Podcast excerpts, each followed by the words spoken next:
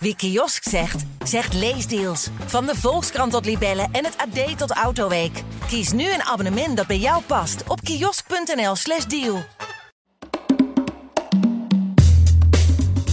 Hallo, fijn dat je luistert naar Stuurloos, waarin we het hebben over hoe wij Nederlanders een beter bestuur kunnen krijgen. Mijn naam is Koestaaf Bessems en in deze podcast van de Volkskrant ga ik raden bij mensen die daarover ons denken verder kunnen helpen.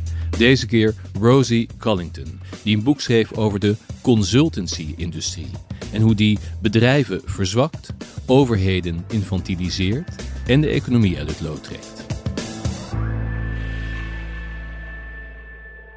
The Big Con heet het boek in het Engels. Steviger dan de Nederlandse vertaling, die net uit is en simpelweg de consultancy-industrie heet. Want con, dat klinkt echt naar zwendel. En als je het boek leest, dan denk je ook wel: waar is deze branche van meer dan 800 miljard euro eigenlijk op gebaseerd? Hoe kan het dat kerntaken van de overheid aan consultants worden overgelaten? En kan die overheid zich nog uit deze ongezonde relatie losmaken? Daar ga ik het over hebben met auteur Rosie Collington, verbonden aan het Institute for Innovation and Public Purpose in Londen. En dat wordt geleid door de bekende econoom Mariana Mazzucato, met wie ze het boek schreef. Het gesprek is in het Engels. Als dat te lastig is, er verschijnt een korte geschreven versie. En nou ja, de planning kan altijd wijzigen, maar die zou vanaf 3 juni te vinden moeten zijn bij de Volkskrant.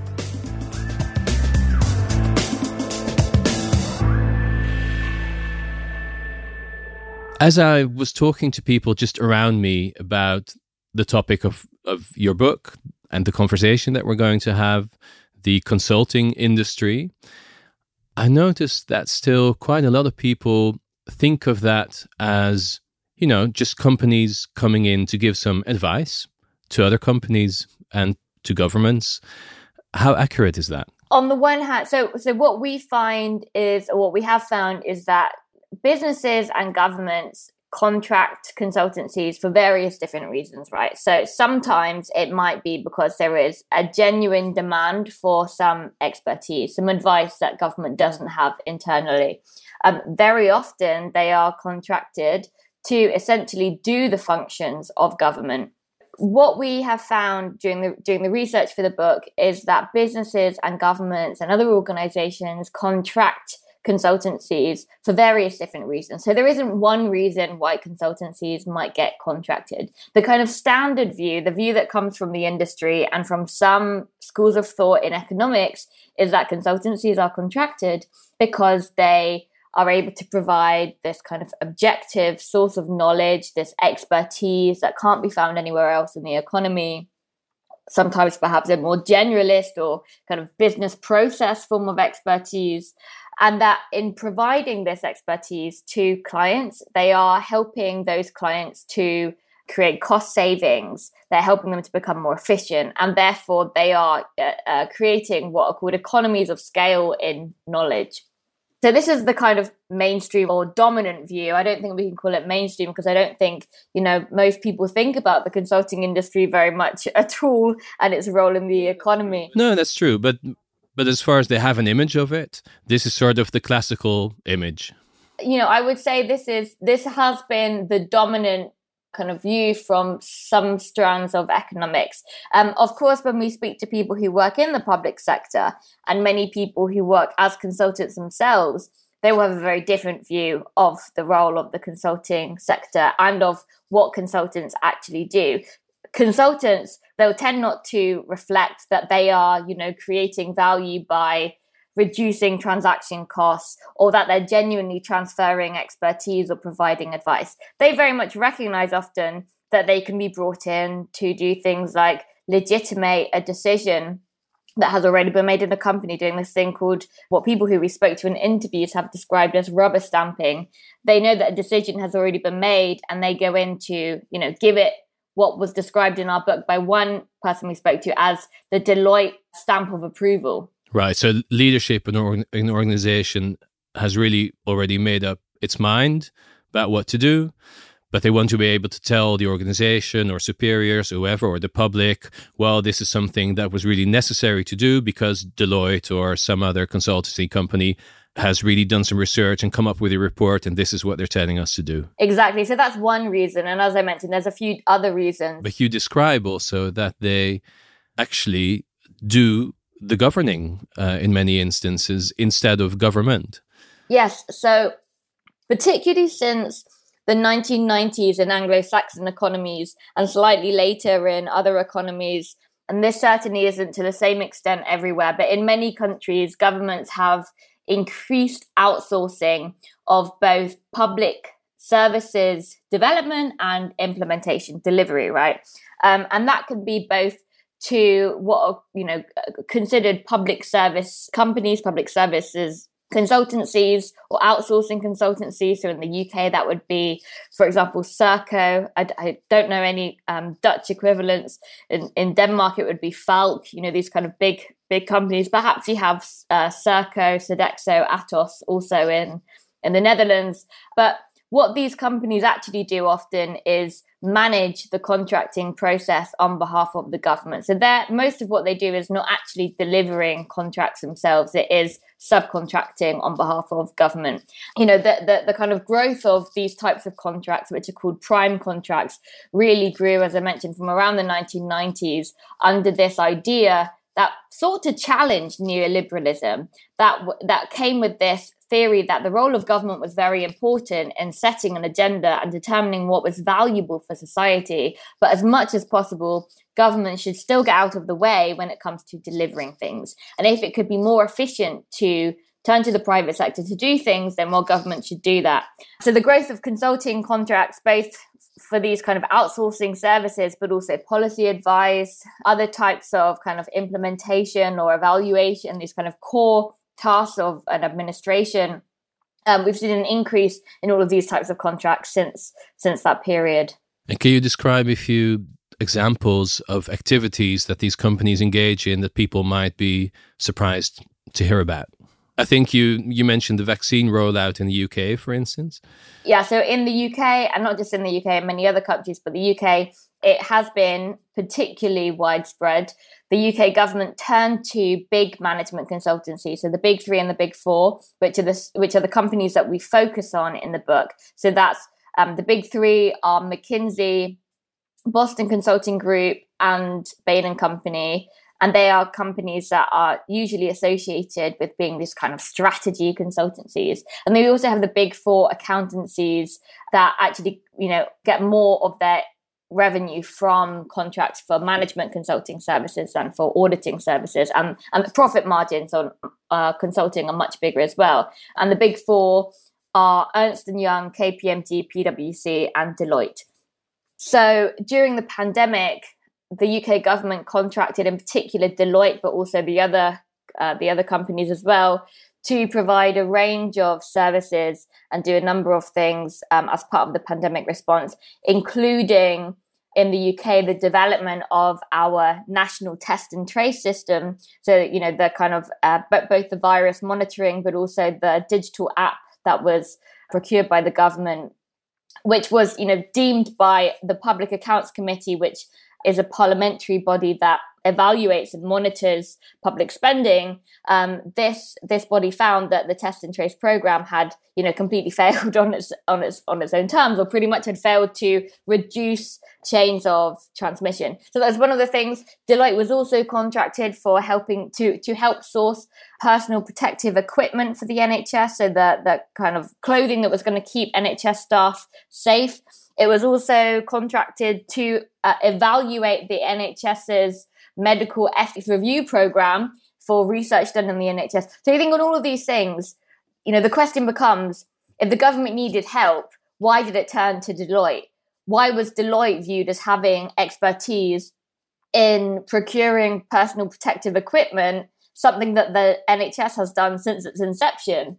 Um, why was it contracted to work on medical ethics? You know, isn't this something that uh, we have professors and patient groups who probably should have been at the heart of that process. So again, you know, what, what we what we criticize is not necessarily the involvement of advisors or consultants, um, understood as a kind of much broader term than we have than we generally uh, kind of understand the term, but actually the, the scale and scope of the involvement of consultants. Yeah, this is a very big issue here in the Netherlands as well. Recently, numbers came out that this year, again, a record number has been spent on outsourcing. Um, officially, the goal is to reduce it. Parliament has adapted a motion also to reduce it, but every year it's more and more. The question that you ask, like why ask Deloitte or these other consulting firms, what is your answer to that? Why are governments so, why is it almost a reflex to get these companies in? Yeah, so there's two levels to this. So the big con describes not just the ways that the consulting sector itself, the things that consultancies do to try to convince clients or potential clients of its value. And we do look at those things in the book. You know, we have a whole chapter on what we call consultology, the ways that that the kind of mechanisms that consultancies employ to try to prove that they are neutral brokers of expertise, that they are legitimate all of these things. But we also have to look again at this relationship, the historical relationship between governments, businesses, and consultancies, and the broader transformations of capitalism and of government and the way we think about government in our economies. So, the, the reason why the book is structured as it is, the reason why we begin the analysis with these two history chapters is because, you know, we don't think that you can understand the big con without understanding the ways that government has been but civil servants and the public have lost faith in civil servants and people who work in the public sector. Um, people who work in the public sector have lost confidence in themselves. And the ways that these narratives, you know, really were turbocharged from the 1980s in places like the UK and the US. It's no coincidence that under Margaret Thatcher in the UK, this is when we really saw a kind of very rapid growth of spending on management consultancies. So, consulting spend at the beginning of Thatcher's tenure in 1979 was just six million pounds per year, and by the end of her tenure, 11 years later, it was 246 million pounds. So it really is, you know, this kind of this this this huge growth, and they were brought in to provide advice on things like how to provide the railways, how to make services more efficient.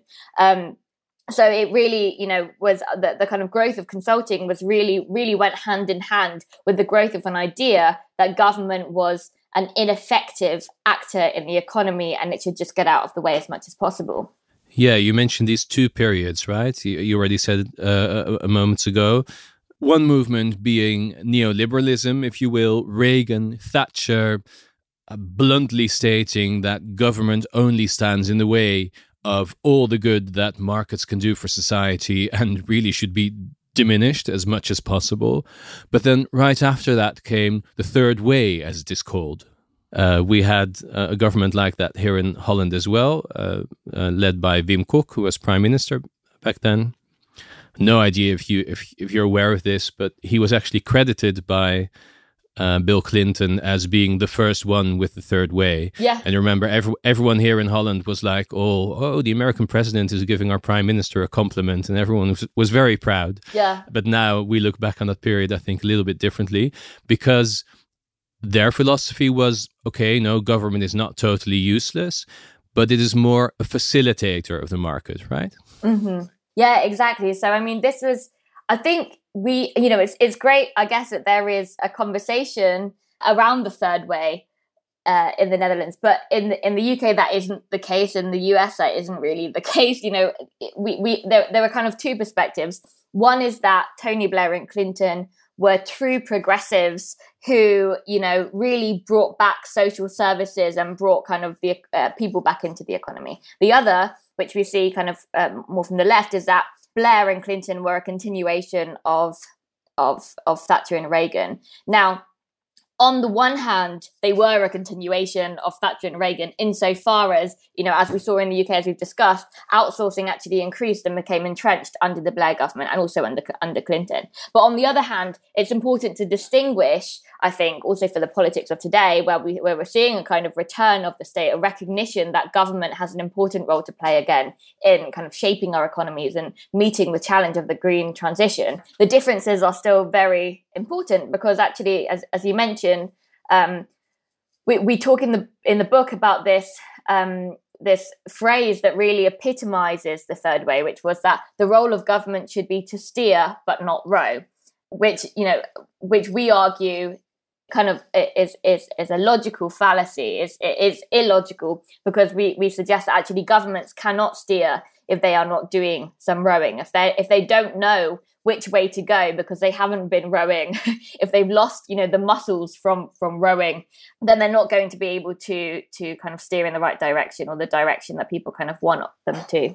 Because you need the the experience from doing to learn about how to do it. Exactly yes. This podcast or this series of interviews is a well a quest so to say like the, the main question hanging over it is how how do the netherlands get a better government and one of the big topics that has come up a lot is the broken connection between, on the one hand, policymakers, the people who think out the policy, and then on the other hand, people actually executing it on the ground.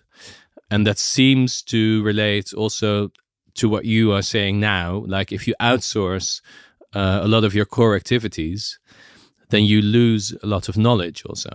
Yeah, absolutely. So it's not just the case that outsourcing can be inefficient, um, and it can be very inefficient. It can cost a lot more money than could be saved, or it could cost a lot more money than it would if things were done internally, right? We we might point to uh, various things that happened during the pandemic as an example of that. But it's not just that it can become inefficient in the short term, you know, cost inefficient. It's also that um, when we take a kind of longer term horizon, the cost of not trying to develop these capabilities in uh, house or trying to or, or investing internally within the public sector um, can also be that the government loses the ability to adapt it becomes you know this is where this word infantilizers comes from the government stops developing it stops learning it stops being able to use knowledge that is developed internally um, to kind of create additional capacity and when we think about what governments are for you know, often we don't think about governments as being particular or government, public sectors, government ministries, government departments and agencies, teams within them.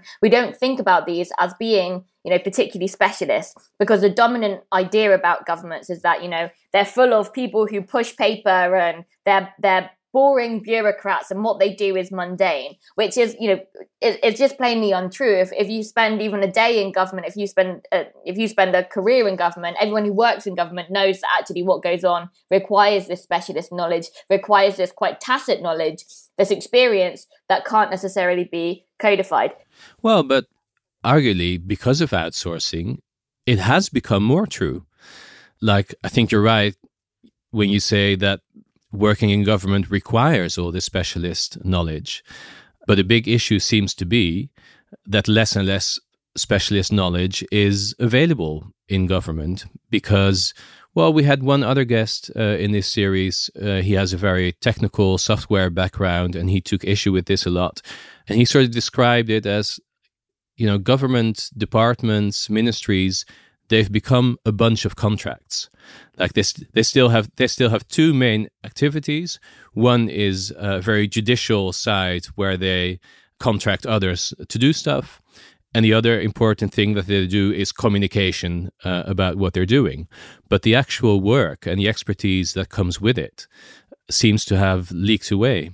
I mean, completely, absolutely. We talk about it in the book as being a self fulfilling prophecy, right? So the more that government outsources, the more that it becomes dependent on these other actors. It creates, you know, a relationship of dependency between the government and between the consulting sector. And that is you know part of the issue with the consulting industry and the business models that that kind of constitute the consulting industry is that actually it can be very profitable and very lucrative. It can be important for the growth of this sector. That government and other organizations come to depend on them as a source of capacity. And certainly we have seen that. Um, but you know if we think about in democratic societies what government is supposed to do, what we want government to be able to do, which is to be able to adapt as our needs and demands as citizens change, as new challenges emerge, such as the climate crisis, as businesses, you know, create new things as we're seeing in, in big tech. We want governments to be able to adapt to regulate them, to, to shape those industries, um, and to be able to, you know, continue to provide the things that we need. If government isn't investing in house, and it's not able to adapt in this way sometimes it might go a little bit fast for people, but you mentioned there also business wise, it's not in the interest of the consulting industry to make their clients independent of the consulting industry. So there's a very strange, perverted incentive there almost because of course ideally that is what would happen like uh, you're wondering how to do something you get consultants in and they know from the industry or experiences with other clients or whatever how to do it and then you learn how to do something and you're off. But that's often not the mechanism you say. Yeah exactly. And it's you know we describe we, we use the metaphor of if you imagine a bad therapist is one that keeps their client in therapy forever rather than you know providing them with the tools that they need to be able to manage um, their, their mental health and, and, and develop and all the rest of it or to be able to, to get better. So that's that's one way that we can look at it. I mean the broader the broader kind of implications of this as well are that you know when we think about as I mentioned, as, as I've already mentioned before, when we think about the people who make up this sector, we know that many consultants are brilliant and well intentioned.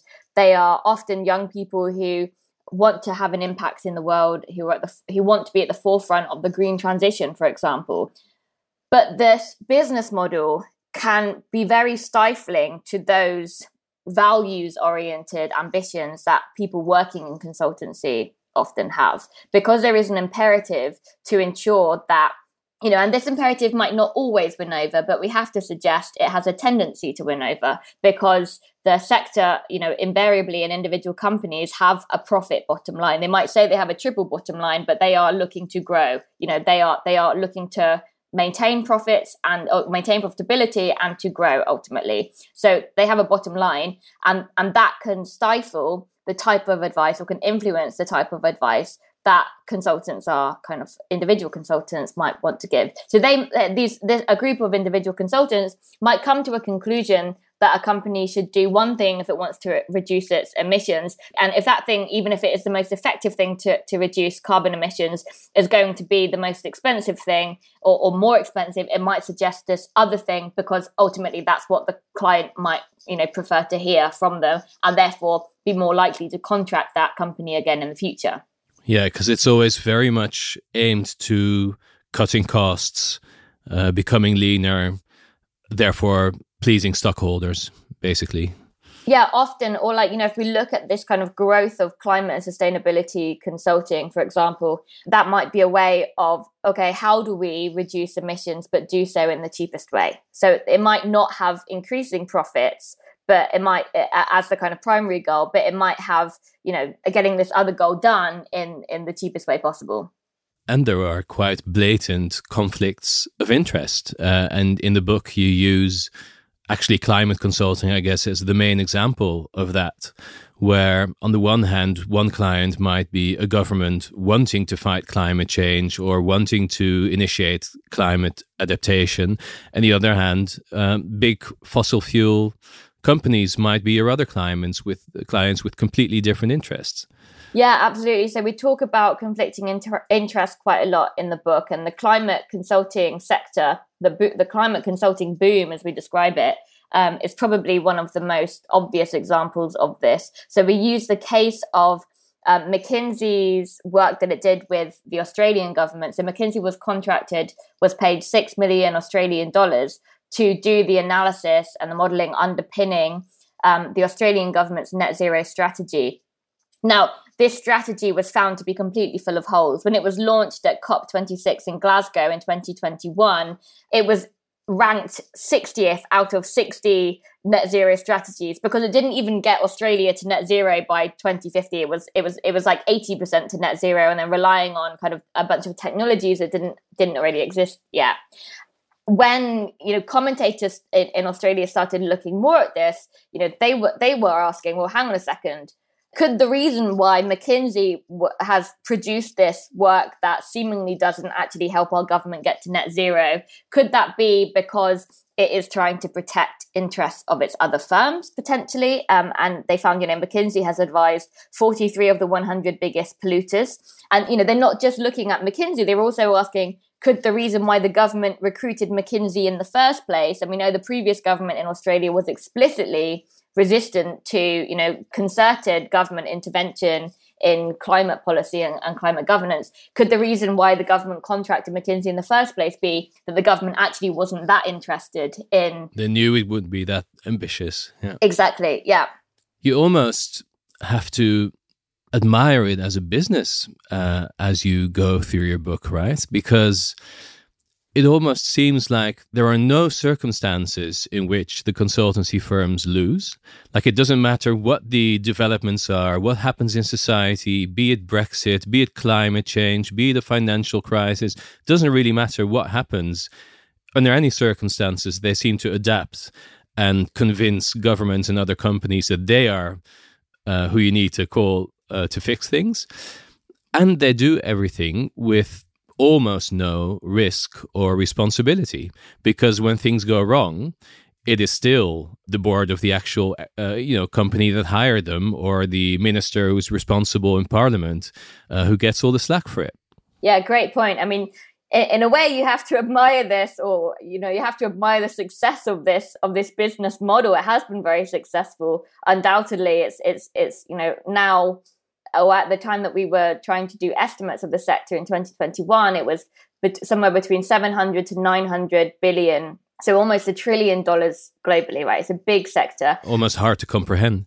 Yes, exactly. You know, th- there is some kind of suggestion that it, it, has shrunk a bit in the wake of the COVID nineteen induced global oh, COVID nineteen and you know oil crisis induced global recession. Um, but we've seen that we see that after every kind of recession. Actually, we see a, a, a, in the first couple of years a kind of shrinking of the size of the sector, but then it picks up speed again. So you know they they won't be worrying too much about um, shrinking at the moment. Um, no, but I mean, I mean, absolutely right, and and I guess that's that's also why we wanted to look at this in the way that we did. This is this is not just the case uh, of you know a few people pulling some strings and whatever. Actually, they they play a very important structural role in our economies today. They are providing advice to governments. They are doing things for governments. They are doing things for business. They're advising um, businesses. They are providing a source of legitimation and blame avoidance for businesses, while at the same time being able to avoid blame and actual risk taking themselves. It's a very profitable business model. You know, that's why we we also describe it as um, actually, you know, not, not just profitable, but it's a form of rent seeking because the the the business model is such that the companies are able to take on and receive huge um, fees for these contracts without ever really taking on any of the risks of them themselves. How did you personally get involved with the topic?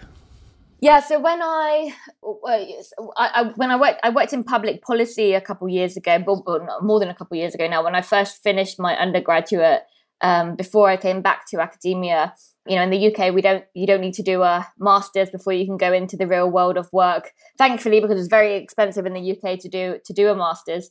Um, so i went and i worked in different public policy organizations for a few years.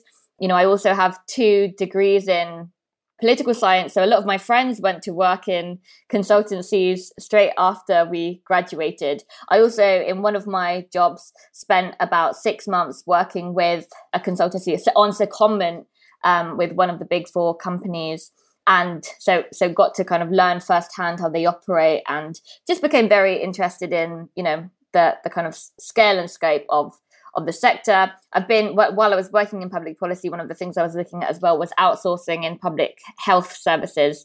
Um, so that came across them kind of through my policy research.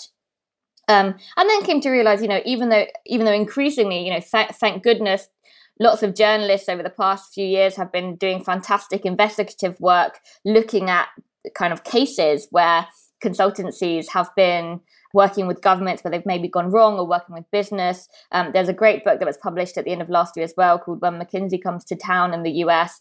Like, investigative journalism has been really important in the past few years for shedding light on the fact that this sector exists and that it is doing things that can be potentially harmful or that it is involved in things that are potentially harmful. But at the time that we were writing this book, you know, uh, uh, and still today, there there wasn't a text that tried to situate the growth of this sector in these broader developments in government and capitalism. So we were kind of in, we use the cases and we're very grateful and we, we pay a lot of credit to the investigative journalism work. But what we were trying to do was really understand it kind of structurally and systemically um, and how it fits in with the uh, economy. And when you say we, that's Mariana Mazzucato and you? Yes. How did you end up writing it together? Yeah, good good question. I, it's actually something I get asked quite a lot, as you can imagine, because Mariana Mazzucato is um, amazing global superstar professor, economist, um, and I've I've long been a fan of her work, as as you can imagine. I met Mariana um, in 2019 at a student conference. I was presenting some of my master's thesis research, and Mariana just happened to be the discussant on the panel for the for where I was presenting my research. She was just volunteering for the day, you know, to speak to these young political economist. And I gave the presentation, and it was, you know, about outsourcing. Actually, it was about privatization that occurs through outsourcing of public sector digital infrastructures.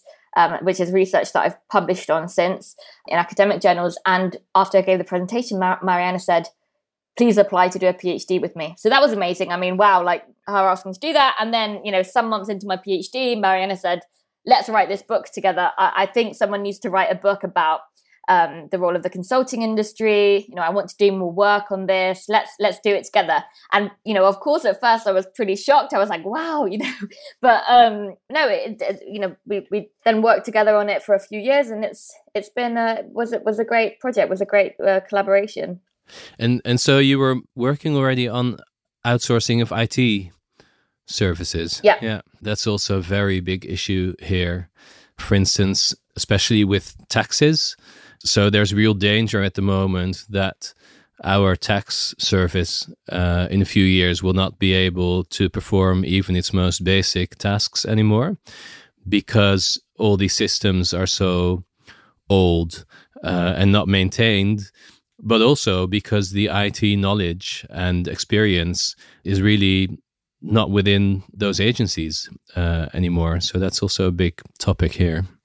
Yeah, a parallel case that you know perhaps you might want to look at because it happened in Denmark. It, it sounds like a parallel case to what happened in the Danish tax yeah, authority a couple I years read about ago. It. Yeah, a lot of this came to a head um, in the, with the crisis in the Danish tax authority, where basically it was found, I think it was 2016 or 2017, it was found that they were unable to implement some uh, law, new legislation that the EU had introduced for for members, um, and they were unable to implement it properly, and it was a huge crisis. And um, the Danish government subsequently did a report on the use or ha- how they go on to manage um, IT vendors and consultants and contractors in the future. And you know, the language they use is very much that the knowledge that we need exists in the heads of a few vendors and contractors. We don't have it in the public sector, so we can't actually transform these technologies that are so fundamental to our ta- you know to our tax system and therefore to the Danish welfare state you know? This is at the heart of it. And I so I did interviews with people who had been involved in this issue in the public sector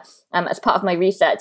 And someone I spoke to from the uh, digitalization agency you know the line that he said was we were at the point where it was the IT systems that mandated what the politicians could do and not the other way around. We are in exactly that situation. So, like, they've just officially said we can't do anything extra anymore for the next four years, more or less. The only thing we can do is try and repair enough to be able to do the basics. For instance, they wanted to lower taxes on fruit and vegetables, you know, for health reasons, couldn't do it. Like too complicated. And uh, this this touches on something that uh, I think for a lot of people still is counterintuitive. You, I think you mentioned it earlier in our conversation anymore that outsourcing using consultants makes you less flexible, less agile. When, of course, the philosophy was if you employ all those people yourselves and you have them on your payroll, then you're a slow giant. It's very hard to pivot. You're much more flexible when you're a lean organization and you, you only have the people who run all the, the processes and who organize. And then you just get the expertise in that you need whenever you need it. And then you're, you know, light on your feet and you move quick. But it seems like the exact opposite has come out of it. Yeah, I mean, I mean, this is this is the issue, right? And this is where it comes back to this. What while we have to really delve into assumptions about what knowledge is and how learning happens in the public sector, right? So the assumption of a kind of super lean organization, it may well work for, for example, a small programming organization where all of the knowledge is very clearly codifiable in a programming language. And perhaps then it is possible to switch in and out the programmers because everything is, you know, all of that knowledge is is in code as long as of course they're using the same programming language or whatever. Um, that is not how knowledge exists uh, and expertise exists in the real world. We can't codify most knowledge that exists or, or not necessarily most knowledge. It very much depends of course on the type of work that someone's doing but a lot of knowledge particularly in the public sector where so much of it so much of kind of day-to-day knowledge about even how government works um, you know, how the department works, how the team works, what the kind of service area is perhaps that a policy is working in, the uh, if it's a public facing frontline role, what the community is that that service is serving. All of this knowledge, you know, you can't just type it up on a piece of paper and hand it over to someone and expect that that's going to be, constitute knowledge transfer. So this idea of having a, a like super lean organization relies on a, an idea about knowledge that isn't real. That isn't how knowledge exists in, in, in the real world. Well, and also it might work for some task in the short term. Yes, yeah. Like a limited task in the short term. But of course, the whole characteristic of government is that you have huge challenges uh, for the next decades. That also seems to be, you know, maybe again, that's why climate change is such, such, such a good example you would want a learning organization that is constantly working on this topic, getting better at it as they go along, and withholding all the knowledge and expertise and experience within as you go along. Absolutely. No, exactly. We know that the climate crisis is not going away anytime soon. So why would governments not be trying to build this capacity? You know, if we, we can't be certain about everything with the climate crisis. We can't know exactly when temperatures are going to become unlivable or when in Europe we might become affected by flash flooding or whatever. We can't be very accurate about some of these things, but we are certain that this is going to be a problem for a long, long time. So why are we not developing, you know, public sector capacity properly internally in-house in the public sector to respond to the climate crisis? That's not to say that governments shouldn't also be working with people in particular areas outside of government you know. shouldn't be using this expertise. This isn't the case of governments doing everything by themselves absolutely not. Um, but it's recognizing that in order to be able to work well with other actors government needs to have that knowledge itself internally as well. Well, and you notice that other parties are often not engaged. Uh, for instance, uh, academia or, or sorts, all sorts of other organizations and companies that ha- have a lot of know-how. Yes. This I also remember, by the way, from the uh, pandemic. There were a lot of companies, academics, people with field experience uh, with pandemics elsewhere who were like, okay, I want to contribute to what's going on here. And they tried to get through to government, which was, of course, in crisis mode. So that is you know, partly an excuse. But there also didn't seem to be any form for that. Like there was no real way to get in touch with your own government if you wanted to help out uh, on something that you knew a lot about. Yeah, absolutely. And this is, you know, when we talk at the end about in the in the climate crisis chapter, we talk about a professor who was one of the founders of the IPCC, or helped to publish the first IPCC report. And if we look at the things that he was saying, Patrick Godwin Olu Obasi, if we look at the things that he was saying in the 1990s, and this was someone who had, you know, this, had had this amazing research career as a meteorologist, um, both in Nigeria but also globally in other parts of the world, was the leader of the World Meteorological Organization the things that he was saying was, you know, this needs systemic change, this needs systemic change. kept saying all of this. And it seems, you know, no one was listening to people like like him, uh, you know, and, and, and, there was a lot of pushback on this idea that there should be systemic intervention in, in uh, uh led by government governments or even other actors in the climate crisis and, and kind of a green transition, and instead it should be left up to markets to self-regulate and everything. We know now that that you know market-led self-regulation approach to the climate crisis has not worked. It hasn't worked on its own term. That's not an opinion. That's that's a fact. You know, the IPCC supports that, um, and thankfully, most people or many people now also recognize that government has an important role to play, as has been enshrined in the Paris Agreement and many other kind of climate laws that governments around the world are adopting. But you know, you have to wonder why it is that, and, and not just kind of scientific expertise, not just people who are professors, but why that expertise and also the voices of people in um, you know, communities that are most affected by the climate crisis, um, by groups that the, the, voices of people who have different types of knowledge and experience when it comes to looking after the environment and ecosystems and biodiversity. So that would include, you know, indigenous communities, people who have different value systems when it comes to protecting the land. Um, it also includes perhaps trade union groups, which I think probably need to have, or, or certainly need to have a, a, more central role in terms of thinking about how the green transition actually protects jobs and ensures that people have good livelihoods um, through it and aren't, you know, losing work in. Or, or losing work when high emitting sectors in, invariably have to um, close down or reduce production. You know, all of these other voices could affect, could shape the type of green transition that we have. And instead, you know, advice is coming from one group. So we have to ask why why that is. Is there an escape from this? Because, as you said, it's been a self fulfilling prophecy. I mean, you mentioned a lot of your own friends went to work with consultancy companies. I'm curious if you've heard anything from them about the book, by the way. Uh, so maybe you can tell us about that as well. And you mentioned also people who have good intentions who go to work there because they want to have an impact, be it on the green transition or anything else. It has become the place where uh, a lot of talented people want to go and work, um, and government has become that place less so. If you just look at the allocation of funds, just where the money goes, well, you you mentioned those figures yourselves. Then it, so much money goes into that. How how do you reverse this movement? Is that even possible?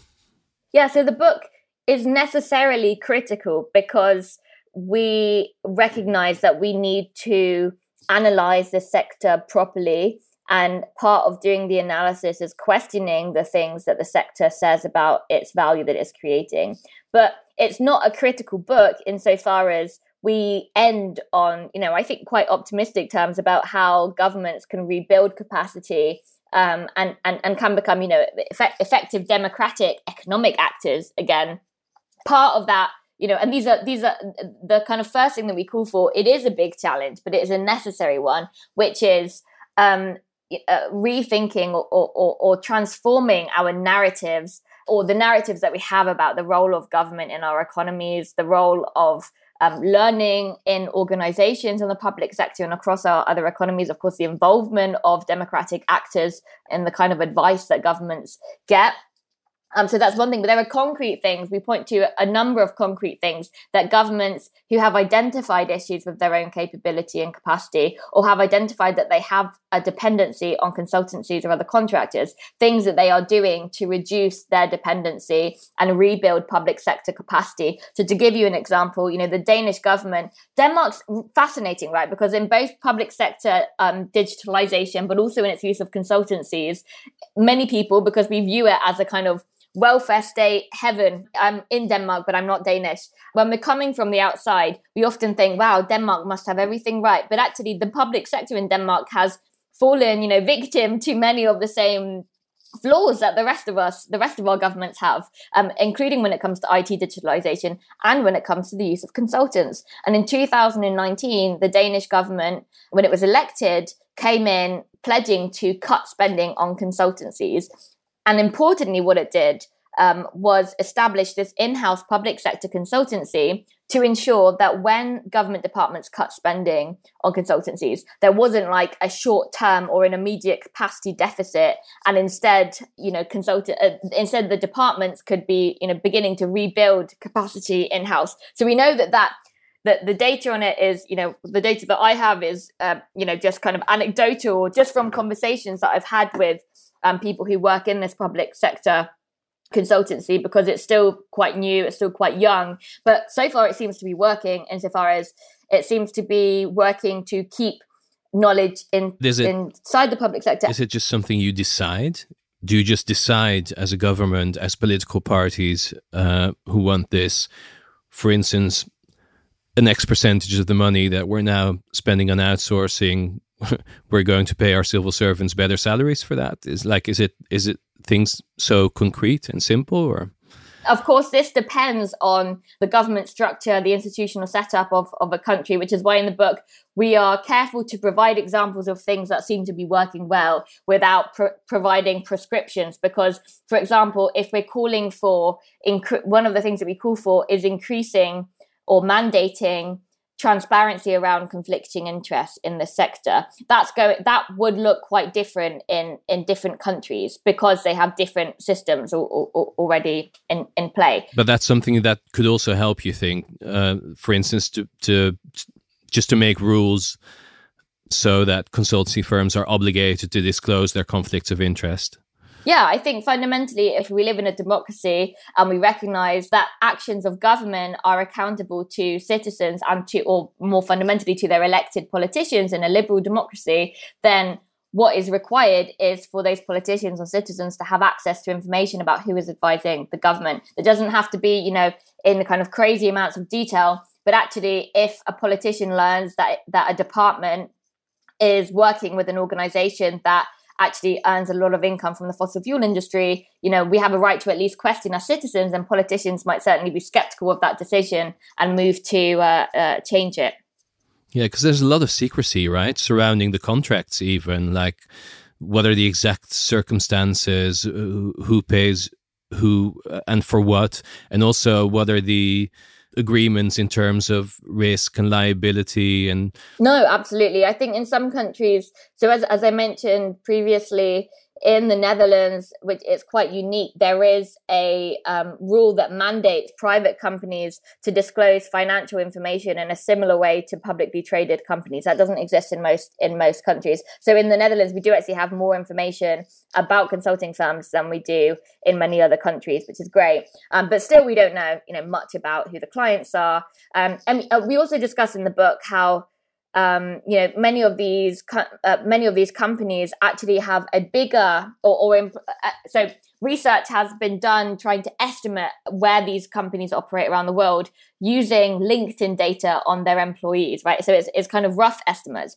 And one of the things that this um, research found was that quote unquote tax havens or secrecy jurisdictions are one of the the kind of places where these companies employ a lot of people certainly more per population size than kind of anywhere else in, in the world. I think the Cayman Islands has more consultants per population than anywhere else in the world, or more employees rather from the big four. Because they're so active in helping their clients with tax havens, tax evasion.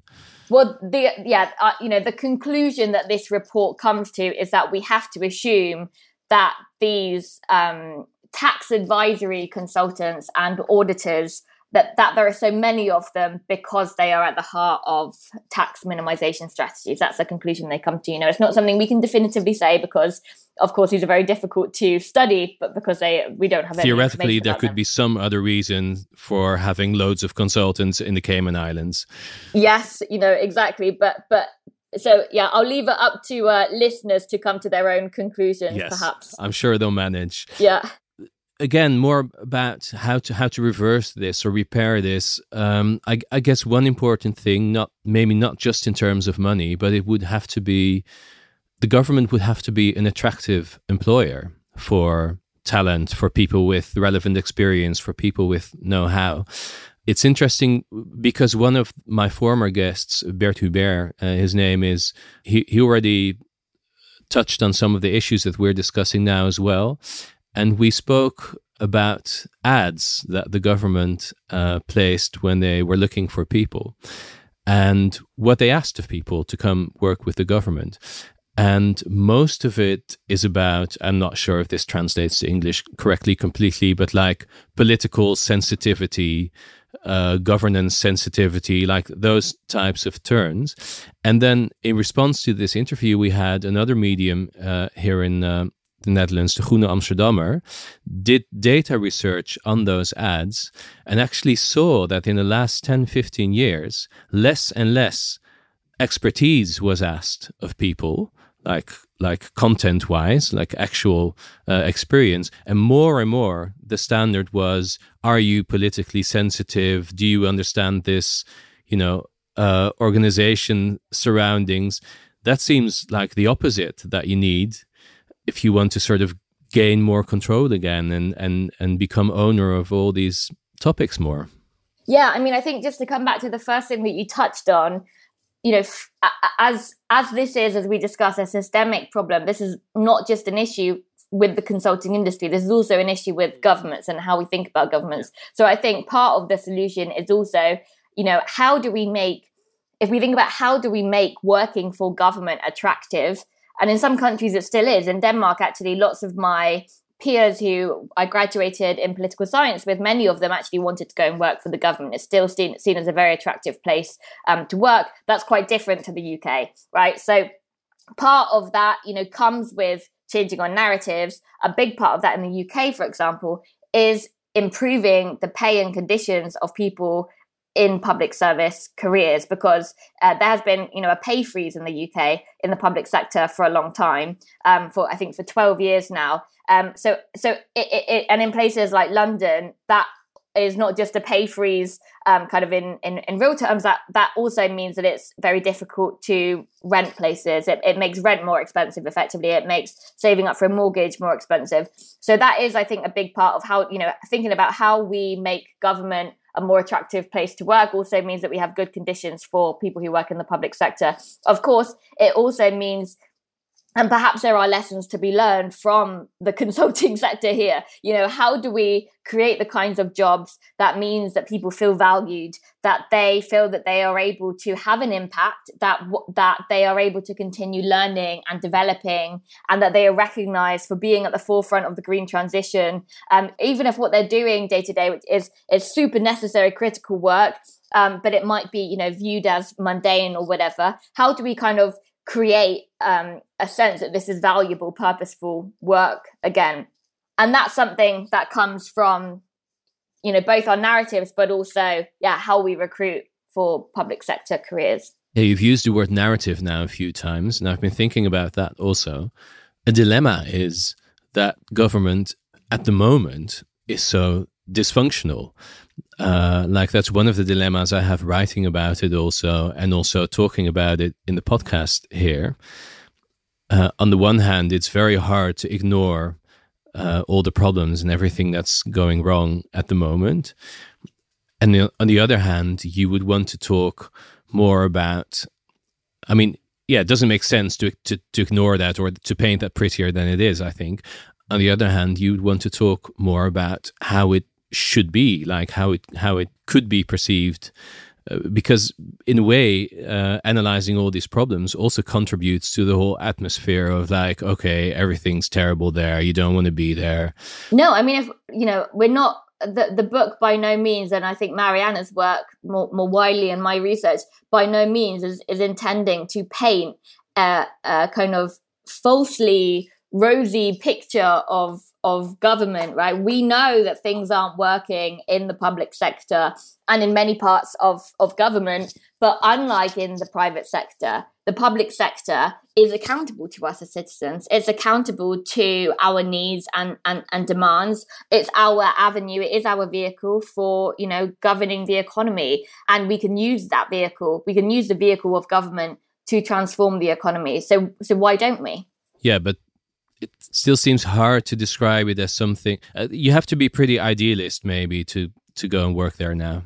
And I think a lot of people who work there are. Like I get a lot of responses to this podcast from people who work in in the public sector. Just often it seems like they're doing that more despite of the system than thanks to the system.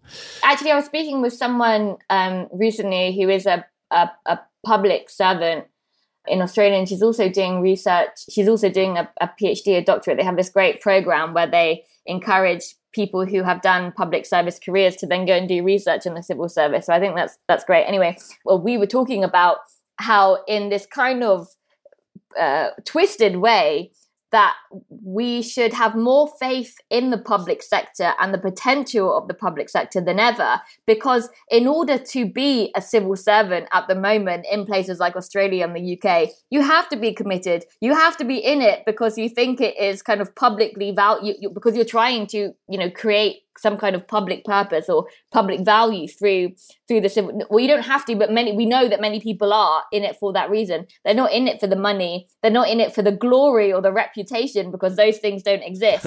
Um, no. so perhaps that's a way of thinking about it as a starting point recognizing that the people who are working in government there might not be enough capacity there might not be enough capabilities um, because they have been under resourced or whatever but at least the ambition is there the direction is there um, it's kind of how do how do we build and, and, and grow that yeah would you ever go back i mean you started out there I so I, I worked for the, I worked for uh, actually essentially a um an out not an outsourcing organization. I worked for the British Heart Foundation, which is a huge medical research funder that does cardiovascular disease policy for the. Okay, well, so not back, but w- would you like would you always see yourself in academia, or would you consider after having done all this research and having thought so much about the proper way to do it, would you ever go into public service yourself? I definitely did, and I, you know, I, have never really intended to go into academia. You know, um, that wasn't ever really my plan.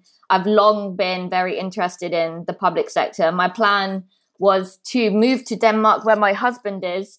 Um, when I finished, when I moved from London, when I've been working in public policy, my plan was to move to Denmark to finish my master's because in Denmark you need to have a master's before you can work. And I did my master's in political science and political economy because my plan was to go and work for the Danish government. I did all of my ah. my, my I did all of my classes in Danish very early on. So I got up to the you know the required professional level of Danish to work in the public sector, and that was the plan. Um, but then, you know, things happen, and as they yeah. do, and the pandemic hit, and I became very interested in the different private sector actors that were, um, you know, increasingly involved in the response to the to, to the pandemic, and yeah, and I met Mariana, and I realized, you know, you you also learn when you work in public policy whether it is with a kind of partner of government, you know, or consultancy or uh, or within government itself, you don't have time often to think about these big questions that academia. Uh, you know, gives you the space to, to to think about, you know, what is the role of these things, and I've kind of realized, you know, yeah. So I would like to work in government, but I also really enjoy thinking about these big questions, like what is the role, what actually is the role of government, what is it here for? And what about the friends who started out at the consulting companies? Are they still there? Have you ever heard from them? Oh yeah, uh, don't worry. We're still friends. We're still good friends. We have some good, uh, uh, good, good conversations, good, good debates, good arguments. Um, generally, you know, my experience has been that my friends who have read the book, who work in consulting, completely agree with the arguments that we make. They recognize that there's problems with the sector. They obviously enjoy their work often. They enjoy the challenges that they are having to do, but they oft they don't think that they're creating kind of value as often as you know they're they're, they're told to say they are. Yeah, because there's quite a few cynical bits in there as well, right? About just recycling presentations for clients and that type of thing. And as you explained before, just being in there to rubber stamp the decision that's already been made. There's also quite a lot of cynicism, I think, where, oh, you know, if it goes wrong, it's because the client didn't listen to our fantastic advice uh, also seems to be part of the culture. Absolutely. I mean, just to be clear, the people who we interviewed for the book, they weren't my friends. you know, we, oh. just to be just to be very clear about oh, that. Yeah. I would. There's there's anonymous consultants in the book. You're not telling us who they are, but they are definitely not your friends. No. Oh well. I mean, I, if you know, if people ever want kind of, we could we have processes uh, for kind of disclosing of who who they are. Yeah, but yeah. I, so I can promise you that they were not my not my friends who were just saying what I told them to say. It didn't occur to me, but but good good that you're clarifying. Did you and Mariana hear back other things from the industry, like maybe from management of those big companies? Yeah, so we have been so not the big the big three and the big four have been notably silent. Um, we have we have heard very little for, or we have heard nothing from them, and we know, for example, when when I was interviewed for a BBC Radio 4 documentary on the role of consultancies in our economies, you know, they also asked to speak to the big three and the big four to respond to some of the things that I and the other academics who they interviewed had said. And they essentially when they, they got no comment responses from the consultancies. We also know that because the BBC has a right of reply rule, if if Mariana and I were interviewed about the book on a panel, it would be quite important that there was a consultancy there to respond, or a consultant from one of the big three or the big four to respond to us. Um, and we were told by the BBC that they were unable to get anyone willing to come and speak, uh, you know, with us. What do you make of that? Well, there's we know that there's you know there's been a strategy of silence, but the Management Consultancy Association, which is the kind of industry body representing consultancies in the UK, the head of that organization has written some responses to the Financial Times and the Guardian about you know the book, and everyone's welcome to read those responses. They're quite fun. Um, I was going to say quite funny. They are quite funny. They're quite interesting. They're, Why are they funny? Because that's just exactly what you would expect. Um, you know, when we put this book out, we were looking for some. We wanted to have, we wanted to have proper debate. We wanted to have proper, proper challenge. You know, what we don't want, or, or I guess it's what we expected, but what what is kind of too obvious is for the sector to just come back and say, we do create value. You know, this book is wrong. You know, that's too easy. You know, come on. So yeah, I, I but your your listeners can uh, can can check out those letters for themselves. Yeah, but I mean, other consultancies have been very responsive. So I know I won't mention names, so I don't know if it's public, but there is one big engineering consultancy that has apparently purchased many copies of the book for consultants internally and is trying to use it as a kind of mea culpa. So a way of you know rethinking how they do their work. And you know probably that's a that's a great thing. Perhaps it you know we never know. Perhaps it could just be a way of you know i don't know uh, kind of seeming like they're doing something but but perhaps that's not the case we know with many smaller consultancies boutique consultancies many individuals have been in contact with us and said we don't want to become like the big three and the big four, what can we do to ensure that we don't create some of these problems that you describe in the book? Right. So there has been a good response. Yeah. Well, anyway, probably politics, government, the public have to make the first step for change. I mean, yeah, I find the book very compelling, but I'm very curious to see whether whether because it's almost I don't know, it's almost like an addiction that you describe, right? Or an abusive relationship and uh, those are very hard to get out of. Uh, so I'm very curious to see if the trend's going to be broken. Hopefully, you know, as as I said, we recognize, and I've been asked a lot, you know, what how how do we transform this, and and what uh, you know, we've been asked, what were you trying to do with the book? What like what do you think the book can do? And I'm not so idealistic to believe that books and writing and shining a light on things is enough to change the world by itself, right? We have to be pretty um, clear headed about this, I think, as academics and journalists. But nonetheless, it is an important first step. It is important for raising public awareness and creating a public debate. Um, also, because we wrote this book with civil servants in mind, we recognize that because we knew that many of these problems that we identify are things that people working in the public sector and business themselves, they already know this stuff right they they they know it because they've experienced it day to day but they're often unable to challenge challenge it or they don't have a kind of framework for challenging it. So part of what the book kind of wanted to do was also provide a point of reference for people who when they are trying to something they can point to yeah. Exactly. When they are trying to challenge decisions that have been that are being made internally to outsource something to a consultancy when it can be done internally, then they have yeah a, a, a book to point to and a framework to use when they're describing some of the issues that perhaps they've already identified but but don't necessarily have the words to to, to challenge. Okay. Well, thanks so much for being on, Rosie. Thank you very much. It's been a great interview. Dankjewel voor het luisteren naar Stuurloos, een podcast van de Volkskrant. De gast was Rosie Collington. En als je de moeite waard vond, dan waardeer ik het enorm als je deze podcast bij anderen onder de aandacht brengt. Stuurloos maakte ik met Rinky Bartels, die onder andere al mijn kriebelhoesjes moest verwijderen. Met Eva van Leeuwen, die zorgde dat we Rosie er vanuit Denemarken goed op hadden staan. En natuurlijk met Corine van Duin, onder wier vleugels bij allen opereren. Tot gauw.